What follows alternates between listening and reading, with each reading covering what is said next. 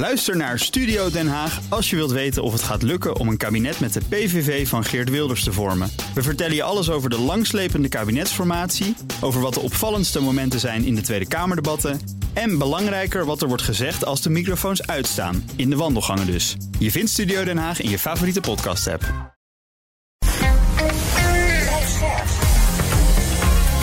BNR Nieuwsradio.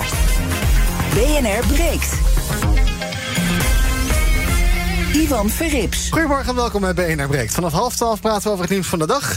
Over het dubieuze hacksoftware waarmee de AIVD zich bedient. Net als allerlei andere wat dubieuze landen. En we nemen een kijkje in het leven van de machinist. De NS probeert dat een beetje dichterbij te brengen. Nou, eens kijken of mijn panelleden een uh, carrière switch overwegen. In mijn panel vandaag Vredelie Stadelmeijer, directeur van She Consult. En Alina Danny Bel, voorzitter van FNV Young and United. Goedemorgen allebei. Goedemorgen. Goedemorgen. Fijn dat jullie er zijn. We gaan beginnen met... BNR breekt. Breekijzer. En dat breekijzer heeft te maken met scholingssubsidies. Dat zijn de tassen met geld waarmee je jezelf kunt tracteren op een opleiding tot, uh, nou ja, noem eens wat. Uh, bouwvakker of webbouwer of communicatieadviseur, verpleger, bungee-jump-begeleider. Of je kan gewoon beter worden in het beroep dat je al doet. Maar wat blijkt, die subsidies gaan vaak niet naar de sectoren waar grote personeelstekorten zijn. Cursussen tot coach of nagelstylisten zijn veel meer in trek dan opleidingen voor een baan in uh, nou ja, de zorgsector of het onderwijs of in de bouw. Blijkt uit een inventarisatie van BNR. Hoe logisch is dat eigenlijk? Ons breekijzer vandaag. Scholingssubsidies moeten alleen naar sectoren met de grootste banentekorten. Wat vind jij? Ben je het misschien eens en denk je... Goh, ja, de overheid kan dat heel handig sturen... door iedere twee, drie jaar juist die sectoren aan te wijzen... waar tekorten zijn en daar dan met die scholingssubsidie naartoe te gaan? Of denk je, nee, het is gewoon een uh, principe. Ik bepaal zelf wel waar ik moet toe opleiden. En als ik denk van ja, ik wil jazzpianist worden... en ik wil op een cruiseschip elke avond piano spelen voor, spelen voor hele rijke Nederlanders... dan is er ook niks mis mee. Ja, dat kan ook. Ik ben heel benieuwd hoe jij erover denkt. 020 468 4 keer 0 is ons telefoonnummer. 020 468 4 keer 0 Ons breekijzer. Scholingssubsidies moeten alleen naar sectoren met de grootste banentekorten. En ik ben ook heel benieuwd of je natuurlijk zelf ervaring hebt met die uh, stapbudget. Heb je dat wel eens aangevraagd? Hoe bevalt dat dan? Het is altijd heel snel weer uitverkocht, dat geld. Dus het uh, um, is heel erg populair. Hoe werkt dat? Heb je er goede ervaring mee of niet? 020 468 4 keer 0 Zometeen ho hoor je hoe mijn panelleden erover denken. Maar ik begin bij Frank Curvers, hoogleraar arbeidsmarkt aan de Tilburg University en de Maastricht University. Goedemorgen, Frank. Goedemorgen. Ja, ons breekijzer. Scholingssubsidies moeten alleen naar sectoren met de grootste banentekorten. Wat vind jij? Is dat verstandig om te doen? Ja, in eerste instantie zou je zeggen van wel. En, uh, maar we moeten toch wel uh, zien dat, uh, dat eigenlijk overal op dit moment tekorten zijn aan personeel. Hè? Dus um, ja, het is heel breed over de arbeidsmarkt op dit moment. Mm -hmm. in die zin, in die zin um, ja, is het ook uh, nuttig om dan voor alle sectoren uh, deze regeling te hebben. Ja, dus het maakt eigenlijk niet zoveel uit. Als je maar werkt, dat is het belangrijkste voor de arbeidsmarkt. Ja, het is voor werkende en werkzoekenden ja. is de regeling. Hè? Ja, precies. Ja. En uh, je zou er misschien wel iets in kunnen prioriteren dan. Dat je zegt van nou ja, wij als samenleving vinden deze beroepen heel belangrijk, deze sectoren heel belangrijk. Zorg, onderwijs, ik noem maar wat. daar gaan we dan wat meer geld aan geven dan aan, nou ja, ik noem het maar even een beetje flauwe pretstudies. Maar ja, die bestaan natuurlijk ook. Ik weet niet, uh, dat, dat, lijkt in eerste instantie uh, lijkt dat, lijkt dat logisch om, om pretstudies te gaan uh, onderscheiden van andere. dan is het toch wel de vraag hoe ga je dat uiteindelijk definiëren. Um, en, en, daarbij moet je ook uh, je realiseren dat het gaat niet alleen maar, die regeling gaat niet alleen maar om het uh, oplossen van tekort op de arbeidsmarkt. Het gaat ook om um, erom dat mensen zich uh, kunnen ontwikkelen. En dat ze dus beter kunnen worden in het vak dat ze doen. En of dat nou een nagelstiliste is of een, um, of een leraar. Dat, ja, dat, dat is moeilijk om te zeggen dat het een nou belangrijker is dan het andere. Ja. in, in, in economische zin. Uh, hoewel ik natuurlijk wel heel erg belang inzien van, van goede leraren. Maar er zijn ook wel heel veel andere regelingen al. En zeker voor, um, voor uh, leraren zijn er al uh, bijvoorbeeld heel veel andere regelingen waar zij gebruik van kunnen maken. Die vaak ook nog veel um, ruimer zijn dan deze ja, kleine, kleine vergoeding. Ja, oké. Oké, er zijn potjes genoeg. Dus nou, daar gaan we zo meteen even induiken. Ook hoe dat nou werkt met dat uh, stapbudget en hoe zinnig het dan eigenlijk is. Uh, eerst even een rondje in uh, mijn panel. Alina, ons breekijzer. Scholingssubsidies moeten alleen naar sectoren met de grootste banentekorten. Ja, we zitten met een historische personeelstekorten. Voor elke 100 werkzoekenden zijn 133 vacatures. Misschien is het dan slim als je zegt van... goh, wij vinden deze sectoren belangrijk. Wat ik net ook zei tegen Frank. we gaan daar wat meer geld aan geven dan naar sectoren waarvan we denken... nou, dat loopt wel en is niet zo heel belangrijk. Kijk, met dat laatste wat je zegt ben ik het eens, maar met de stelling dus niet. Ik denk mm keuzevrijheid is heel belangrijk voor ons als mensen uh, om ons te ontwikkelen, maar ook onze talenten te vinden. Tegelijkertijd denk ik, ja, sectoren zoals de bouw, zoals de zorg, zoals ook toekomstige uh, beroepen voor die nodig zijn voor de klimaatverandering en de klimaataanpassing die we doen. Die zou je wel kunnen beter stimuleren. En dat doen ze nu in het onderwijs heel goed door bijvoorbeeld opleiding goedkoper te maken. Um, zeg maar, er zijn andere regelingen waardoor je het andere studies aantrekkelijker maakt, maar juist die keuzevrijheid die mensen hebben wel behoudt. En ik denk dat mhm. dat de kern is waar ik achter sta. Ja, dus je moet wel uh, stimuleren dat mensen iets zinnigs gaan doen. Nou ja, dat is ook weer een beetje flauw. Zo bedoel ik het helemaal niet. Nee, maar ik bedoel meer, je moet, je moet stimuleren dat mensen een, een baan gaan uh, vinden of behouden in een sector Precies. waarvan wij vinden dat met z'n allen vinden dat het een relevant is voor de maatschappij. En uh, ja, als mensen iets anders willen doen, dan moet je dat ook mogelijk kunnen maken. Precies. Dus, en, en, en ook als iemand iets anders wil doen, doe dat vooral. Uh, maar wij kunnen met allemaal dingen wel mensen stimuleren om andere beroepen te doen. En, en uiteindelijk, ik denk, geen enkel beroep is nutteloos. Mm -hmm. Want uiteindelijk zijn mensen moeten geld verdienen. En als ze dat kunnen doen, dan is dat goed. Um, maar ik bedoel, mijn, mijn studie wordt ook een pretstudie genoemd. Terwijl ja. ik denk het is hartstikke belangrijk. Want social media managers zijn de toekomst. Ja. Maar goed. En wat doen wij hier nou eigenlijk met, ja, dit, met, dat, met het rare kletsen op de radio? Ja, dat is toch ook geen vak. Maar, maar, maar, maar, maar dus, dus alles is het redelijk belangrijk, maar je kan wel inderdaad gaan sturen, zeg maar. Maar dan is ook niet het geld weghalen bij de opleidingen, zeg maar, bij, bij, bij de werkende mensen. Mm -hmm. Ik zou juist gaan kijken hoe kunnen we het zeg maar aantrekkelijk maken om die studies te doen. Um, met andere regelingen. Finally, scholingssubsidies moeten alleen naar sectoren met de grootste banentekorten. Ja, ben ik het helemaal mee eens. Kijk, die, die stapsubsidie, dat is uh, voor mensen die maximaal een MBO-opleiding uh, hebben gedaan. Dus die gaat sowieso niet naar leraren, want die zijn hoger opgeleid. Dus dat, dat één. Uh, uh, er blijkt uit onderzoek dat het met name gaat naar coaches en naar nagelstylistes. Nou, volgens mij hebben we er daar genoeg van. En hebben we echt uh, krapte op de arbeidsmarkt, uh, inderdaad in onderwijs, zorg, techniek, IT zorg dan dat dat geld daarheen gaat. Weet je, het is belastinggeld. Hebben we met z'n allen opgehoest. Mm -hmm. uh, we hebben een groot probleem op de arbeidsmarkt. Er zijn echt sectoren waar het nu stagneert. Waar, waar dingen niet voor elkaar moeten komen, die wel voor elkaar moeten komen. Laten we dan dat geld gewoon daarvoor gebruiken. En mensen uh, uh, die duizend euro als tegemoetkoming geven in, in een overstap maken naar, naar die sector. Ja. Die sector. Ja, ja, dat, ja en, en natuurlijk moet je blijven ontwikkelen. En dat is mhm. hartstikke belangrijk. De meeste werkgevers hebben daar ook gewoon een potje voor. Uh, uh, om, om mensen beter te laten worden in hun vak. Uh, dus dat is helemaal prima.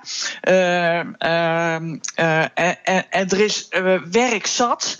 Dus ja, Van Gennep die zegt dan van ja, het is om mensen uit de bijstand te halen en zo. Nou, volgens mij is dat nou niet het grootste probleem wat we hebben. Ja, en vind, je ook, vind je het ook inderdaad een taak van de staat om, om dit te doen? Want je zegt inderdaad, ja, bedrijven hebben daar potjes voor. Het staat in veel cao's bijvoorbeeld. Uh, dus ja, waarom moet, een, uh, waarom moet mevrouw van Gennep dat financieren? Ja, goede vraag. Dus zeg ik, uh, als je dan toch iets wil financieren, doe dat dan iets wat, wat helpt om die, krop, die krapte op die arbeidsmarkt uh, uh, te verlichten. ja, en ga geen mensen opleiden voor cursussen waar we er al genoeg van hebben. Ons breekijzer. Scholingssubsidies moeten alleen naar sectoren met de grootste banentekorten. Als je daarop wil reageren, dan pak je nu je telefoon en bel je 020 468 4x0. Gaan we even luisteren naar onze grote vriend Hans Biesheuvel van ONL. Ja, ik gun iedereen de cursus mindfulness, maar ik gun nog meer iedereen een betaalbaar huis en een lagere energierekening en een hand aan het bed als, die, als je hè, onverhoopt in, uh, in de zorg terechtkomt. En het is zo acuut op dit moment. We moeten er echt met veel meer prioriteit aan de slag. Ja, en ook hoogleraar arbeidsmarkt Ton Wildhagen die spreekt woorden van gelijke strekking. We gaan een aantal dingen prioriteren. En uh, ja, die krijgen uh, meer gewicht, meer uh, aandacht en, en misschien ook gewoon inderdaad meer budget. Ja, jouw collega Ton, Frank, die zegt er moet meer budget naartoe. Zou je het daarmee eens zijn? Want het is al best een sloot geld. 160 miljoen kost die regeling. hij is ook heel populair, want in mei stond de deur open. Toen was het binnen anderhalve dag was het allemaal weer uitverkocht. En nu moeten mensen die er interesse in hebben, die moeten tot juli wachten. goed om daar meer geld naartoe te sturen, naar dit soort programma's? Nou ja, ik denk eerst dat je een, een goede evaluatie moet, uh, moet houden van de programma's om te kijken of ze, of ze effectief zijn. Ik denk dat wat je nu gaat zien, wat je nu ziet, is dat, dat er uh, daar waar er veel scholing uh, plaatsvindt, hè, dat scholing in de, ja, van dit soort opleidingen, um, voor dit soort opleidingen, dat je ook ziet dat die gewoon, um, de mensen die daaraan deelnemen, ook gewoon dat budget gaan aanvragen. Dus de vraag is in hoeverre wordt scholing nu uh, echt ge, uh, gestimuleerd via, dit, uh, via deze regeling? Of -hmm. is het gewoon zo dat men toch al van plan was die opleidingen te gaan volgen? Ja. En uh, betaal je daar gewoon aan mee dan als, uh, als belastingbetaler. En dus moet je eigenlijk uh, kijken in hoeverre we ook gaan zien dat er ook extra geschoold wordt. En, um, en dan kun je ook, als je dat weet, dan kun je ook kijken of dat voor, misschien voor sommige sectoren meer rendement heeft gehad dan voor andere sectoren. -huh. En ja, na zo'n evaluatie kun je ook zeggen, laten we het gaan uitbreiden of niet. Op zich is het wel zo dat, dat er in Nederland al jaren een dalende trend is eigenlijk in het. Um, en het, en het leven lang leren, hè, het leven lang ontwikkelen eh, tegenwoordig. En uh, dat er wel goed is om dat uh, te stimuleren, denk ik. Om uh, leren op de werkplek en leren contextgericht leren. Dus in verband met, met, met, met, met je baan. Om dat te stimuleren. Ja, dat lijkt me op ja maar dat doet, dat doet deze regeling niet.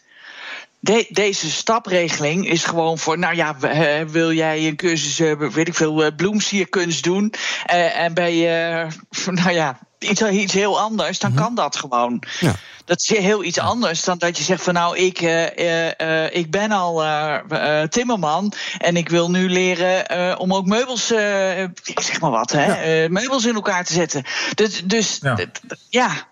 Dat kan ja. ook, ja. Dat, dat, dat, kan. Maar, maar, maar goed, een, een, een, ik wil toch niet al te uh, snel de nagelstilistes en de bloemsierkunst uh, terzijde schuiven. Mm. Ik denk ook al dat er degelijk een economische waarde aan zit als, je, uh, als mensen daarvoor willen betalen. En, de, en er zijn speciale cursussen voor om je verder te specialiseren. Dan heeft dat wel degelijk ook een, een rendement. Ja. Dus ik zou daar niet te snel een conclusie nee, over Nee, maar het, gaat het gaat over rendement versus noodzaak. En het is noodzaak dat we die krapte in het onderwijs, in de zorg, in de techniek, dat we die oplossen. Daar moeten we wat ja. aan doen.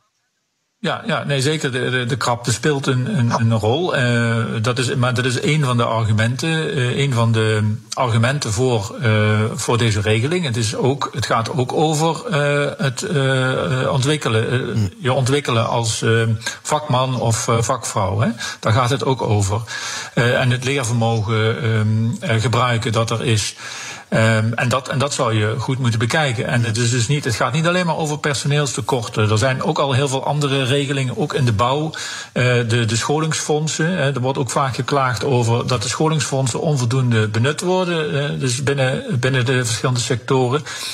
dus met name de kwetsbare groepen op de arbeidsmarkt. Daarvoor zijn er juist heel weinig regelingen. En, daar, en dat is juist het mooie van deze regeling. Dat, dat ook die mensen daar gebruik van kunnen maken. Voordat ik naar Johan ga, want die had ik aan de telefoon. Even naar Alina nog. Uh, CNV bijvoorbeeld, die kijkt naar een, uh, de vakbond, die, die, die probeert het op een andere manier aan te vliegen. Die zegt van ja, we moeten gewoon een soort aparte leerrekening maken per Nederlander. Daar komt dan een budget op. En dat kan je dan uitgeven, want zij zeggen dat stapbudget, ja, dat komt eigenlijk bij te weinig Nederlanders terecht. Ik zei dat loket is binnen anderhalve dag dicht. En de mensen die het het hardst nodig hebben, die vissen achter het net. Dus zouden we het ja. handiger moeten regelen, Alina? Ik denk dat we heel veel dingen handiger kunnen regelen. Maar wat ik wel nog wil zeggen is. is um, uh, nou, de dalende trend van dat er minder wordt geïnvesteerd in leven lang ontwikkelen, dat, dat, dat zie ik ook. Tegelijkertijd zie ik ook de dalende trend dat we überhaupt minder gaan investeren in onderwijs. Um, en, en ik vind dat eigenlijk nog zorgwekkender. Want daar begint het ook allemaal op. Zeg maar, heel veel van onze problemen beginnen al in het onderwijs. Laten we eens gaan kijken om, om dat serieus te nemen en ook eens een keer gaan investeren in het onderwijs. In plaats van alleen maar te bezuinigen. Johan, goedemorgen.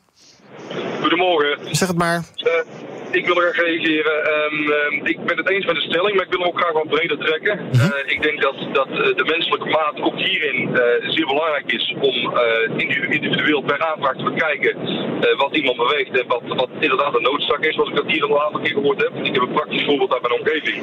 Dat iemand die in de sales werkt het nu leuk vindt om de cursus als eventplanner te gaan doen. Dus naast zijn huidige functie te gaan, te gaan doen. Ik denk ja, dat samen, dat het altijd de compleet is.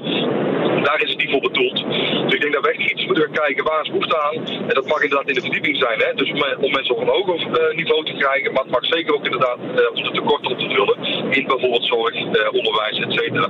Eh, en daar moet die voor bedoeld zijn. En Er zijn potjes voor inderdaad. Alleen ik denk dat, dat een dergelijke regeling prima is. Maar dat er wel echt veel nauwkeuriger en kritischer gekeken moet worden. eh, wie die eh, ja, vergoeding hebben verstrekt gaat krijgen. Op dat eh, subsidie. Niet al te generiek eh, aan Jan en Alleman uitdelen. Dus ehm, even kijken. Gijs, goedemorgen. Goedemorgen. Jij bent directeur van de Verkeersacademie in Nieuwegein. En je had via Twitter al aangekondigd dat je ons ging bellen. Nou, daar ben je dan. Heel goed. Eh, jullie hebben goede ervaringen met het stapbudget of slechte ervaringen, vertel.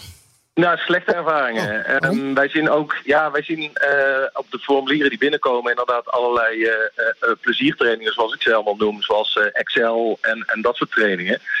Ehm, ik denk dat het stapbudget daar niet voor bedoeld is. Ehm, wij zien gewoon dat eh, eh, het bedoeld is voor opscholing en omscholing. En dat zijn vaak dure opleidingen. Als je in de zorg of de ICT wil werken, die opleidingen kosten vaak duizenden euro's. Dus ook als je rijinstructeur of in de transport en logistiek wil gaan werken.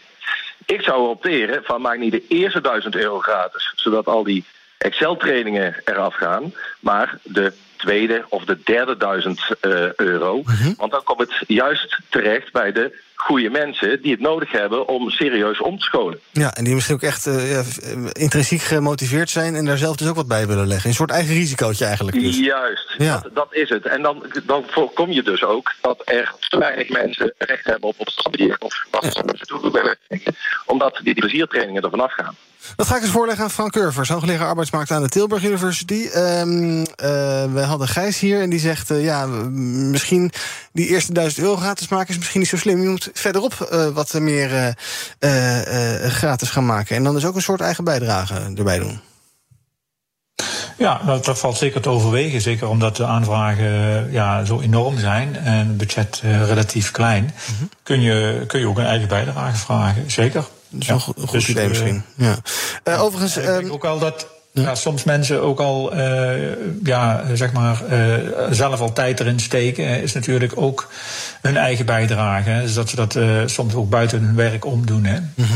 Ja. Ehm, G- Gijs, jij zei net eh, Excel-cursus. eh, dat vind ik een beetje flauwekul. Maar ik zag bijvoorbeeld ook eh, Karin van Gennep, de minister... die zegt, ja, werknemers die dat doen... die zo'n scholing volgen, bijvoorbeeld in analytische vaardigheden... of die, die bezig zijn met informatie, hoe je dat verwerkt... die zien hun inkomen stijgen met 16% Onder hoogopgeleide bijna met 18% Dus misschien voor mensen die bij jou werken... kan een Excel-cursus ook best zinnig zijn... alhoewel je dat misschien in eerste instantie niet zou denken.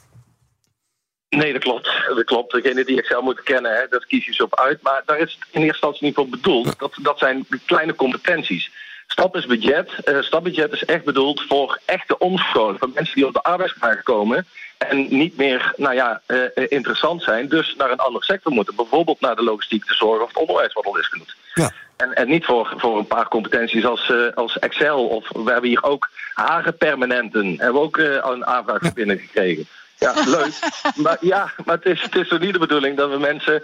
We moeten mensen uit die uitkering halen. En, en daar is een investering voor nodig. En dan mag ook best zijn eigen bijdrage eh, aangeleverd worden. Ja, dankjewel eh voor het bellen, Gijs. Ja, maar als ik het zo begrijp, Frank, is daar het stadbudget dus eigenlijk niet zo voor bedoeld. Hè? Is dat dus eh, ja, jezelf duurzaam in, de, in business houden? Ik zag ook een voorbeeld van op de website van de Rijksoverheid. dat er bijvoorbeeld ook wordt gezegd: als je in de bouw werkt, kan je een, die subsidie aanvragen om iets te gaan doen om juist de bouw uit te gaan. Omdat je dan duurzaam tot je pensioen door kan gaan. Terwijl we toch allemaal denken: ja, maar mensen moeten door in de bouw en niet de bouw uit. Help!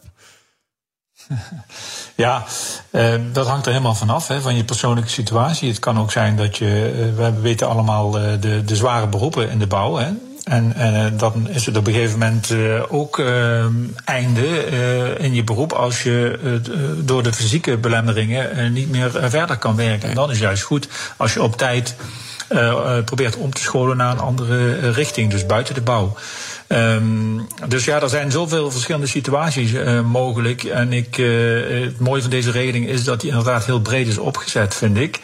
En, eh, en ik ben toch nog steeds niet ervan overtuigd dat wij. ehm, ja, ook niet mogelijk moeten maken dat mensen zich verder specialiseren op die manier. En of dat nou permanent is van haren of het is zeg maar als leraar, want de opleiding is wel degelijk bedoeld ook voor HBO'ers, HBO plus. Eh, zeg maar, om, om je verder te ontwikkelen. Dat, eh, ik heb zelf ook een, eh, een verzoek gekregen, of een, een, brochure gekregen om deel te kunnen nemen aan, aan, aan die regeling. Ja, eh, het is, het, het, het, dat is mooi. Hij is dus heel erg breed. Eh, er is van alles mee mogelijk. Ehm, en eh, er worden ook wel eens degelijk zaken uit, uitgesloten. Ook de, het aandeel coaching bijvoorbeeld in, de, in de opleiding wordt wel degelijk beperkt. Dus er zijn ook wel allerlei criteria om, om misbruik of hobbyisme, om dat te, te uitsluiten. Ja, het ontwikkeladvies is overigens tot maximaal MBO 2. Maar het geld dat je voor een daadwerkelijke opleiding kan krijgen, daar zit geloof ik geen eh, maximum aan opleiding. Laten we nog even luisteren naar Karin van Gende van Sociale Zaken. Dit stapbudget is ook niet erop gericht om de tekorten op te lossen. Dit is echt erop gericht om mensen duurzaam inzetbaar te maken. Ja, en zij zegt ook, wat wij hier ook al bespraken, wat natuurlijk ook zo is, we moeten niet gaan neerkijken op die nagelstylisten of zo. Want dat zou kunnen zijn dat doordat we erover praten hier dat het zo lijkt. Maar dat moeten we dus niet doen. Er zitten ook mensen bij die een nagelcursus hebben aangevraagd. Wimper extensions, daar kunnen wij van alles van vinden. Maar als dit ervoor zorgt dat iemand die nu in de bijstand zit... vervolgens in een schoonheidssalon gaat werken, dan is stap succesvol. Helemaal prima dus. Alina, wat zou jij nog eh, bij willen leren? Oeh, ehm, ja, ik heb geen idee, want ik doe nog een opleiding op dit moment. Ja. Dus eh, Er kan nog eentje bij. nou, ik, ik, wil, ik wil eerst even mijn bachelor afgerond hebben, eigenlijk. Dus nog een jaartje en dan, eh, dan kun je me die vraag nog een keer vragen. Ja. Eh, dan ga ik het even vragen aan Vreemdelie. Uh, mensen die voor jou werken, waar, wat zou je die nog toewensen qua opleidingen? Hè? Zijn er nog, uh, welke vaardigheden kunnen mensen die voor jou werken nog wel gebruiken? Nou, we hebben uh, uh, onlangs een van onze medewerkers op een salescursus of training gezonden. Ja, dat klinkt zo alsof ze het moest doen, maar dat wilden ze zelf graag. Ja, ehm, ja dat is op zich een, een, een, training die we eigenlijk voor al onze coaches wel, wel zouden wensen. Ja. ja. En, is daar, en daar gebruik je ook subsidie voor dan, of niet? Nee, nee. Betaal je zelf. Nee. Waarom niet? Ja. Uh, omdat we daar niet voor een aanmerking komen, heel simpel. Ja. Maar ook zo'n stapbudget zou je daar misschien wel voor kunnen gebruiken, of niet? Dat ze wel uitgezocht hebben. Nee, daar hebben we wel, dat hebben we uitgezocht. Maar daar, daar zijn ze te hoog op voor opgeleid. Oh, ja. Het lukt gewoon niet. Nee, dat nee. lukt dus niet. Oké. Okay. Uh, dus uh, misschien een beetje prioriteren wel, maar niet geen mensen gaan uitsluiten en hele beroepsgroep gaan uitsluiten, Alina, want daar worden we nog niet blij van met z'n allen. Want bovendien, bloemisten en dergelijke hebben we ook allemaal meerdere keren per jaar nodig. Hè? Daarom. Ik nog even aan Moederdag vergeten. of Vaderdag deze maand. Ja, um... ja, maar ja, toch. Nou ja, ik wil er toch wat over zeggen. Ja. Want ik, je, kunt, je kunt beter zonder bloemist dan zonder verpleegkundige aan dat je bed. Dat denk ik ook, ja. Dat vind ik gewoon Klopt. echt een groot verschil. Maar, uh, en natuurlijk is het een mooi vak en dat is hartstikke belangrijk. En dat geldt ook voor een nagelstyliste en dat geldt ook voor een coach. En dat, he, ik doe notabene één coaches. Mm. He, maar ik vind echt die sectoren, als het daar fout gaat, draait gewoon de hele samenleving de soep in. Klopt, maar er zijn andere regelingen die hiervoor beter geschikt zijn dan het stapbudget te gaan limiteren. Zo, ja. je hebt er stil gekregen. Okay. Ja. Nee, dat is uniek. Goed, Frank, jij nog een laatste, laatste stichtelijk woord? 160 miljoen, wat er, wat, er, ja. wat er ingepompt wordt. Dat ik denk van ja, jongens, kom op. Ja, ja, ja ik, denk, ik denk het rendement van, van veel van dit soort uh, opleidingen kan heel groot zijn. Maar ik zou vooral pleiten voor een goede evaluatie voor de regeling, van de regeling. En dan kijken of we hem verder kunnen verbeteren. Ja. Duidelijk, daar spreekt de. Heel goed. Frank Curvers, hoogleraar arbeidsmarkt aan de Tilburg University en Maastricht University. Dank dat je bij ons was. Onze breekijzer, je kan nog de hele dag stemmen via Instagram. Scholingssubsidies moeten alleen naar sectoren met de grootste banentekorten. Op Instagram is 64% het eens, de rest dus niet. Je kan dat getal nog de hele dag beïnvloeden door te stemmen via de stories van BNR Nieuwsradio op Instagram. Dus zometeen ga ik verder praten met Alina en met Vrenelie over het nieuws van de dag. Over bijvoorbeeld de AIVD, die beruchte hacksoftware uit Israël gebruikt. Moeten we dat wel willen? En er staat morgen een heuse treinsimulator op Utrecht Centraal... om jou te verleiden om een baan als machinist te overwegen. Is dit dan het ei van Columbus? Moeten we zo mensen gaan uh, zien te lokken? Zometeen in het tweede deel van BNR Breekt. Ook Thomas van Zeil vind je in de BNR-app. Je kunt live naar mij luisteren in Zaken doen. De BNR-app met breaking news, het laatste zakelijke nieuws... en je vindt er alle BNR-podcasts, bijvoorbeeld Het Nieuwe Geld. Download nu de gratis BNR-app en blijf scherp.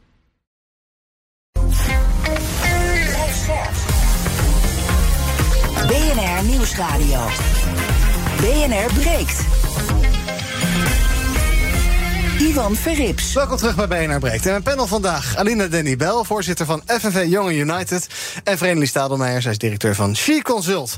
Uh, we gaan praten over het uh, nieuws van de dag. Bijvoorbeeld over de AIVD, de Algemene Inlichting en Veiligheidsdienst. Zij uh, gebruiken omstreden software van Israëlische makelij, Israëlische hackers, de NSO Group. Meldt de Volkskrant vandaag.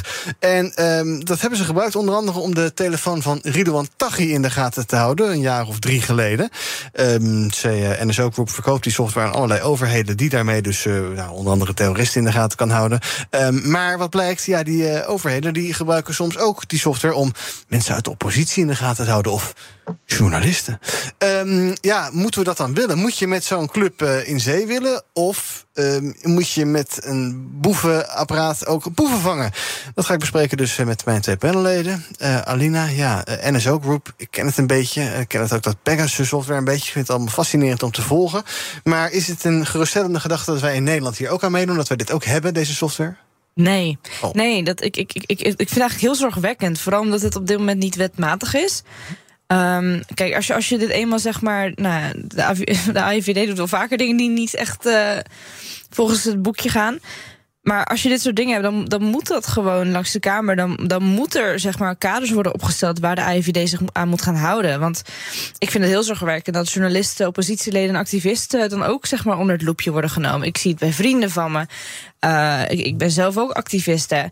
Dus, dus, dus, dus ik, voor de democratie vind ik dit niet helemaal zuiver. Mm -hmm. En, en dat, dat, dat, dat, ja, dat baart me best wel veel zorgen eigenlijk. Ja, we hebben natuurlijk eerder gezien al dat uh, diensten, uh, nou ja, Twitter-accounts van mensen en dergelijke in de gaten houden.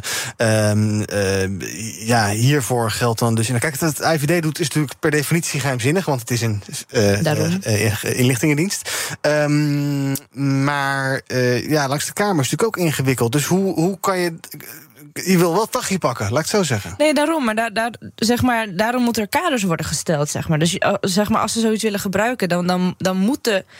Dan, dan moeten daar kaders op staan. Dat, dat wie je daarmee wel kan zeg maar, opsporen en wie niet. En, en ja, activisten die, die, die protesteren, zeg maar. Dat, dat, dat, dat is niet direct zeg maar, jouw de mensen die, wie je aan het opsporen bent. Dat, nee. dat, dat is letterlijk gewoon in de gaten houden of, of, of de status quo niet aangevallen wordt. En dat vind ik heel zorgwekkend. Friendly, uh, vind jij het, uh, vertrouw jij de IVD of zeg je nou, daar moeten we toch maar een beetje ja, wantrouwen met gezond wantrouwen naar kijken? Nou ja, gezond wantrouwen, weet ik niet. Ik denk dat je. De wantrouwen vind ik zo'n woord. Ik denk wel dat je er goed naar moet kijken. Maar kijk, dat Pegasus software, dat is gewoon een instrument. Uh, en dat geldt voor alle instrumenten. Hoe zet je dat in? Wat mag wel en wat mag niet? Dus ik ben het met uh, Alina eens dat, dat, dat daar gewoon wel regels uh, voor moeten komen. maar, maar ja, het is gewoon een instrument. Net zo goed als buskruid een instrument is. Daar kan je hele mooie dingen mee doen, mooie tunnels mee maken en zo. Maar je kan er ook bommen mee maken, ja. ja. Um, um, dus ik, ik, ik, ik, heb niks tegen het instrument, mm -hmm. maar wel hoe je het gebruikt. Ja, en je moet ja. dus duidelijk richtlijnen opstellen en die ook volgen. Um, ja. uh, maak je daar serieus zorgen om trouwens, Aline, dat je in de gaten wordt gehouden of dat je uh, nou ja, oppast met wat je appt of zegt tegen mensen of wat je waar post? Mm, nee, niet in die zin. Ik heb, ik heb eigenlijk ja, meer angst. nou, nou, nee, nee, kijk, ik heb meer angst voor, voor mensen, zeg maar. Nou, dan hebben we het over, over hele uh, heftige rechtse trollen die, die opeens mijn adres ergens vinden. Dat vind ik op dit moment heftiger, omdat dan mensen die mij heel direct kunnen, kunnen aanpakken. Ja. Um, maar ik vind het wel, zeg maar.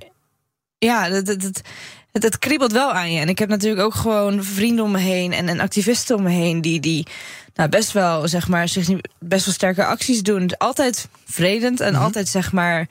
Maar die kunnen wel zeg maar af en toe een weg afsluiten. Ja, dan zit je, is het pech voor jou als je die weg nodig hebt. Maar niemand raakt gewond. En ik vind het dan toch wel, of, of weet, weet ik veel, geraakt daardoor. Um, dus, dus de, de, de, proporties zijn scheef. Mm. En dat, dat is waar het probleem ligt. En het is je, moet, je hebt het recht om te protesteren in Nederland. Je hebt ook het recht om een goede journalist te zijn mm. hier. En om, om, om, om dat te kunnen doen. En, en als dit kan dat in gevaar brengen. Amnesty zegt de software is een bedreiging voor de democratie. Dat zijn misschien wel hele grote woorden, of niet? Nee, ik denk dat ze wel gelijk hebben. Ja, de- vind jij de software een bedreiging voor de democratie, eh Vreemdeling? Nee, denk, denk ik. Nee, ik vind Nee. het, het is een instrument. En ehm, ja, dat moet je goed inzetten. Ja, Ja, Dat kan je al op allerlei foute manieren inzetten, dat gebeurt ook. Maar aan ons dus om het Ja. op een goede manier te doen. ja dat denk ik wel, ja. ja. Ehm, ander nieuws van vandaag komt uit de Tweede Kamer. Vandaag presenteert D66-Kamerlid Alexander Hammelburg een actieplan voor de heropbouw van Oekraïne. De Kamer vindt dat Nederland moet helpen met het herstellen van gebouwen, infrastructuur en de landbouwsector in dat land. Een meerderheid eh, zou er zelfs al voorstander van zijn. Er zou meer Kamermeerderheid voor zijn. Vindt ook dat we daar onmiddellijk mee moeten beginnen. En dan zou je denken: is dat niet veel te vroeg? Er is nog oorlog. Nee, dat is niet veel te vroeg, zegt Hammelburg zelf. In die tussenfase, die misschien wel jaren kan duren, zijn bruggen kapotgeschoten, komt het gaande gaansvuren niet uit. Met alle gevolgen voor de voedselzekerheid in Oekraïne en de regio van Europa. En hebben mensen gewoon kapotte daken. Dus moeten we daar in die tussenfase ook wat voor betekenen. Ja, Vreemdeling, wat vind jij? We horen vandaag Ja, weer. maar moeten we dat niet gewoon Europees doen? Waarom? Ja, ik vind dat nou echt iets voor de Europese, eh, Europese gemeenschap om, om, eh, om eh, daar een plan voor te maken. Ik weet niet of wij dat nou moeten doen. Nee, ons Tweede Kamertje dat mogen wel iets bescheidener zijn wat dat betreft. Ja, Ja. Wij, wij gaan de Oekraïne redden. Ik denk, ja, joh, weet je, ja. Maar als je ziet eh, sanctiepakketten en dergelijke, hoe moeizaam die tegenwoordig tot stand komen, dat laatste ding. eh, hoe ga je daar in vredesnaam Europees enige overeenstemming over bereiken? Ja, ja, dat is een goede vraag. Ja. Ja, ja. Nee, als ik het wist, dan eh, zou ik het zeggen. ja. Nee, maar... Maar, maar het, voelt, het voelt wel contra-intuïtief, contra-intuïtief hè? want we, het is een land in oorlog. Dat wordt nog steeds bestookt. Vanochtend weer berichten over raketaanvallen op spoorwegen bij Lviv. En dan gaan wij nu al kijken hoe we daar de boel kunnen herstellen. Of moet je daar toch wel plannen voor maken nu al? Of, ja. Nou ja, ik denk, denk dat het goed is om daar wel plannen voor te maken. Maar nogmaals, in Europees verband. En niet als Nederland alleen. Dat vind ik echt gek. Alina, is het tijd om eh, daar eh, daken te gaan repareren en wegen te gaan repareren? Ik vind het goed dat die plannen gemaakt worden. Ik denk, eh, je moet en-en doen, en nationaal en Europees. Want, want nou ja, uiteindelijk kun je nationaal vaak meer dan, dan als je Europees gaat doen. Maar doe het wel in samenwerkingsverband. Dat dan, dan weet je ook waar je aan toe bent. Eh, wat, wat ik wel, zeg maar, hier een kanttekening bij wil zetten. Zeg maar, dit soort Marshallplannen, zeg maar, historisch gezien, hebben ook heel veel met macht te maken. En met macht in een ander land, vaak door een ander land. Ehm, en, en ik denk dat dat misschien wel iets is waar we naar moeten gaan kijken. Want, want ehm, ja, uiteindelijk, the winner writes history. Ehm, maar wie, wie, wie is dan die winnaar als, als we ook met het Marshallplan, zeg maar, daar staan? Ehm, Ja, we, moeten dat voorko- is- we moeten voorkomen dat wij de grote redder van Oekraïne worden. En, dat ze dan altijd een soort ereschuld aan ons houden. En dat Daarom, soort, en, eh, en, en zeg maar, laat de regie ook aan, aan de Oekraïnse mensen, aan het Oekraïnse volk. Ze weten heel goed wat ze nodig hebben, ze weten heel goed wat ze willen. Laat ons vooral een steunende partner zijn. Ehm, en, en, en hier ook niet de machtsmisbruik van gaan maken. Zeg Ja, maar. Hammelburg zegt trouwens, ja, ik ga- wil niet wachten op een EU-wijd plan, maar we moeten gewoon lekker gaan beginnen. Ehm zit misschien wel iets in, toch, Vreemdeling? Als we allemaal naar elkaar gaan wijzen in Europa, dan gebeurt er nooit iets. Ja, daar zit ook wat in. Ja. Ja. Ja, maar samenwerken dus. Ehm, eh, eh, en moet je dus echt nu al die kant op, denk je, om eh, ja, bruggen te gaan herstellen en dergelijke, Alina? Ik weet niet hoe- of je, je weet hoe lang akkoorden duren in Nederland. Dat duurt heel lang. Mhm. Dus ik denk dat we, als we nu beginnen, we tegen de tijd dat het echt nodig is, dat we wellicht ook wel de, de, de, het geld ervoor vrij hebben gemaakt, ook zeg maar. Ja. Goed, we gaan eens kijken naar Thomas van Zelf van BNR Zaken doen. Die... Bij BNR ben je altijd als eerste op de hoogte van het laatste nieuws. Luister dagelijks live via internet. Bas van Werven. En heel langzaam komt de zon op rond dit tijdstip. Je krijgt inzicht in de dag die komt op BNR, het Binnenhof in Nederland en de rest van de wereld. De Ochtendspits. Voor de beste start van je werkdag. Blijf scherp en mis niets. BNR breekt. We gaan kijken naar wat jullie zelf opviel in het nieuws. Vreemdeling, Alina, ik begin bij Alina. Want jij wil praten over daklozen. En eh, daar wil de overheid nu een keer echt wel aan gaan doen? Of, mm, nou, eerst maar eens vertellen wat de plannen zijn. Ja, nou, ik, ik wa- was positief verrast eigenlijk toen ik dit las. Zeg maar, ze willen, ze willen eh, daklozen een thuis gaan bieden. Ehm, en geen stretcher. En ik, ik denk dat is op zich de beste manier dat je, dat je dakloosheid gaat oplossen. Eh, uiteindelijk is ook mensen een dak bieden goedkoper dan dat je ze eh, jaar in jaar uit eh, terug in de, in de, dakloze opvang terug ziet komen. Maar wat mij heel erg verbaast aan dit nieuws is dat het vanuit de staatssecretaris eh Volksgezondheid, eh Welzijn en Sport komt, dus van Ooyen. En niet vanuit Hugo de Jonge, eh, die minister is van.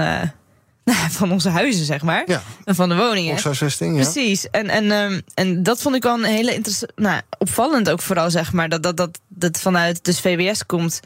eh, op, ook de rechten vanuit de VWS komt. Hè? Want, want dakloosheid is, is eh, heel duur voor mensen. Voor hun gezondheid is dat heel duur. Ehm, ja, eigenlijk je hele leven. Je kan niks meer betalen, maar tegelijkertijd moet je alles betalen. En nou ja, de metafoor van de schoen, zeg maar. Als je één keer een hele goede schoen koopt, ga je de jaren mee. Als je, als je, maar als je geen goede schoenen koopt, dan moet je elke keer weer nieuwe schoenen kopen, zeg maar. Ja. Ehm, ja, ik hoop dat dit goed gaat uitgepakken. Ehm, en ik gun het ook heel erg Nederland dat we dit goed gaan doen. Ehm, maar goed, kan het, denk je? Want ehm, ja, nu, Ja. nu vinden daklozen vaak eh, tijdelijk onderdak in een opvangcentrum of iets dergelijks. Nou, het is dus het idee dat die mensen zo snel mogelijk naar een echte eigen woonplek gaan. Maar eh, woonplekken, dat is geloof ik eh, niet zo ruim bezaaid. Nee, maar tegelijkertijd denk ik wel, zeg maar, dit zijn uiteindelijk mensen die, die, die verdwijnen vanuit onze radar. Hè? Dus eh, als je ze al tijdelijk een dak kan geven waar ze permanent kunnen blijven, dat hoeft niet het grootste, mooiste huis te zijn. Maar geef ze wel een bed, een badkamer en een klein keukentje, zeg maar. En ze kunnen weer een leven gaan opbouwen. Want dan krijgen ze een adres, dan kunnen ze weer aan het werk, dan kunnen ze doorgroeien. Ehm, ja, er is, geen, er is geen betere methode om dakloosheid op te lossen dan een, een dak boven hun hoofd te geven. Ja. Ja, je hebt natuurlijk ook mensen die zijn, eh, die, die, die zijn bewust dakloos, maar dat zijn er niet zoveel, denk ik. Hè? De meeste mensen die komen door ja, ellen- Ja, en- ellende. en iedereen kan dakloos worden. Ja, dat kan je zo overkomen. Ja, Ja, je hoeft je baan maar kwijt te raken, je hebt geen, en je kan je huur of eh, niet meer betalen. je hoeft, maar, je, hoeft maar te scheiden. Ja. Maar jij bent dus eh, optimistisch wat dat betreft. Eh, ja, maar ik ben ook wel een optimist. Dus ik hoop Nee, dat het goed komt. Ook heel goed. Ehm, jij wil het hebben over knuffelen. Ja, wat een leuk onderwerp, hè? Vertel. Ja, ja. nou, ehm, de onder, ehm, eh, ik kwam een artikel tegen. Eh, de, onder, eh, de Universiteit van Padua heeft onderzoek gedaan en die heeft eh, laten zien dat knuffelen helpt om stress af te bouwen. Maar alleen bij vrouwen. Bij mannen helpt dat niks. Nou, dat onderzoek dat heeft zich gericht alleen maar op omarming door je partner. En dan zeggen ze, eh, als je omarmd wordt door je partner, gewoon een huk, zeg maar, Ja. dan eh, stijgt het knuffelhormoon oxytocine. En dat helpt dan om je bloeddruk verlagen, je immuunsysteem op te geven tegen infecties, tegen pijn. Oh, dat is allemaal hartstikke goed. Dat is bij mannen ook zo. Bij mannen werkt dat, werkt dat ook zo. En het kan helpen om je cortisolhormoon te verlagen. En dat is het hormoon wat helpt tegen stress. En dat werkt alleen bij vrouwen. Oké. Eh, en dat hebben ze onderzocht. Ze hebben eh, eh, mensen elkaar laten knuffelen voor een stressvolle situatie.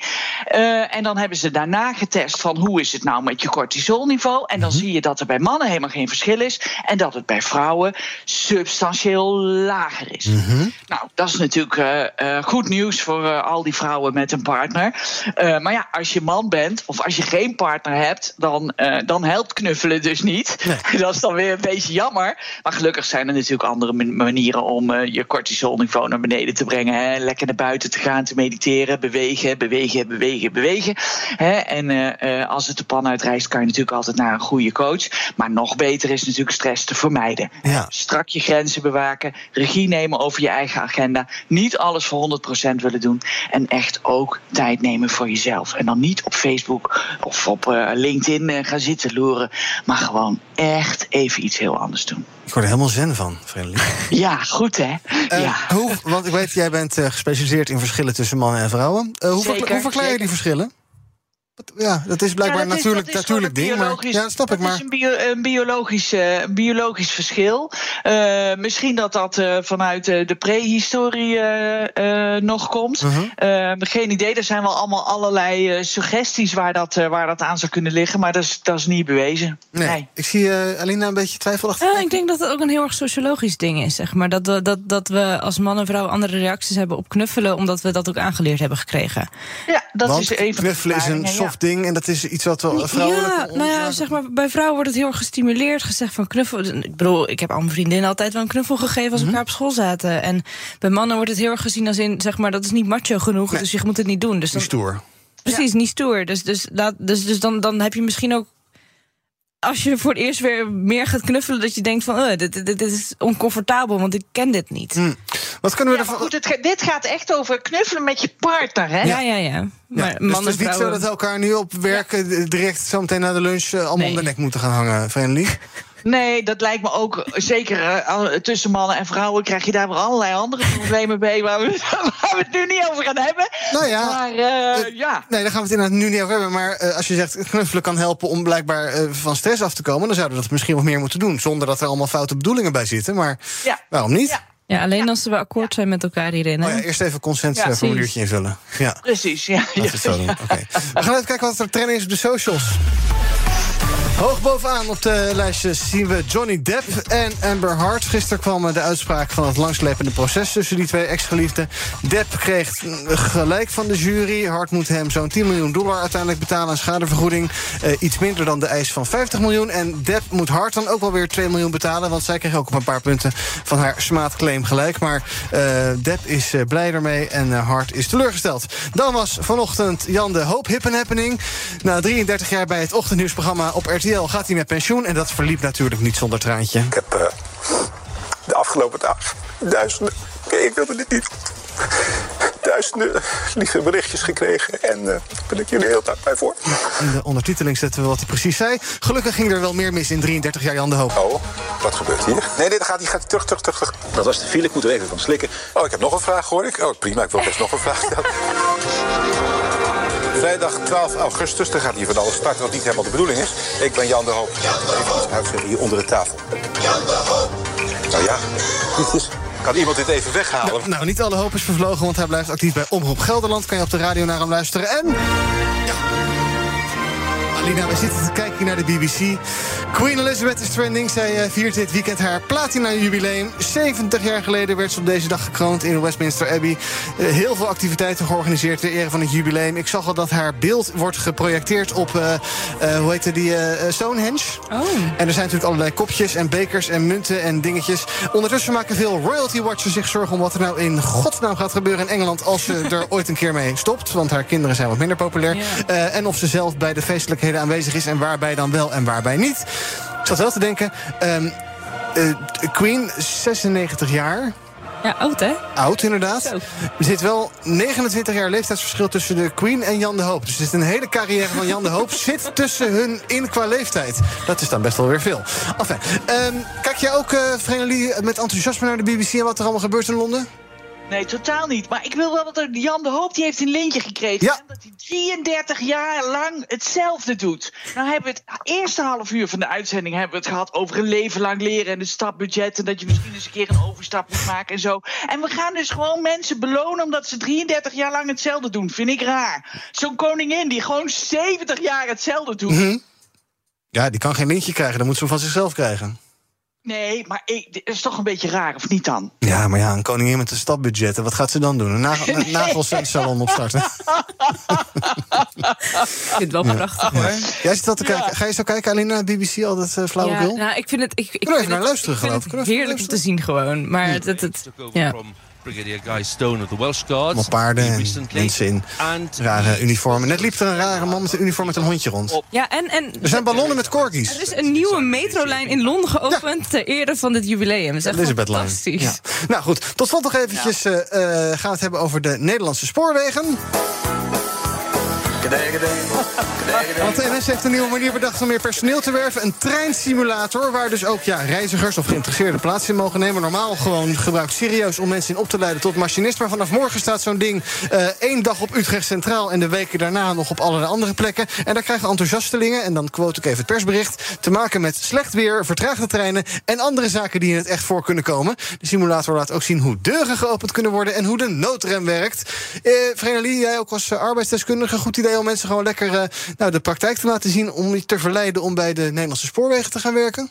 Ja, ik denk dat dat wel een goed idee is. Eh, de, in, in, de, in Duitsland eh, laten ze een trein rondrijden speciaal voor vrouwen. Om vrouwen te motiveren om eh, conducteur of machinist te worden. Ik denk, ik- ja, weet je, je moet op een of andere manier jezelf profileren als werkgever, als aantrekkelijke werkgever, om mensen te werven. En Ja. nou ja, dit zou best een goed idee kunnen zijn. Ja, Ja, we moeten er super creatief mee omgaan. Iets voor jou, Alina. Morgen dus in Utrecht, ik geloof van 10 tot 4 of iets dergelijks? Ga je er even heen? Is dat leuk?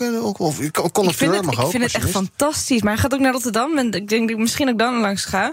Nee, mijn oom die doet dat nu voor, voor een regionale treinding. Dat, Mhm. Nou, daar zit hij in de onderhoud. Maar goed, dat, dat doet hij niet. Maar ik vind, het, ja, ik vind treinen fantastisch. Ik vind Mhm. met de treinreizen fantastisch. Ik vind, ik vind dit gewoon zo'n leuk idee. Echt, ik, ik, ik smul ervan. Nou, we gaan zien of het wel wat eh, oplevert. Ik geloof dat er in de zomer minder treinen en dergelijke rijden... omdat ze allerlei personeelstekort en problemen hebben. Dus het is ook hoog nodig. Dus nou, eh, kijk maar even op de website van de Nederlandse Spoorwegen. Daar zie je een heel lijstje met waar dat ding komt te staan. En dan kan je erheen, als je het leuk vindt. Of niet. Goed, tot zover BNR Breekt van vandaag. Ik dank Vereniging Alina. Fijn dat jullie erbij waren. Alina, veel plezier met de rest van de dag BBC kijken. Dankjewel. Allerlei flauwekul die er is. En morgen dan is de BNR Breekt er weer. Dan met eh, Kees Dorrestein, neem ik aan.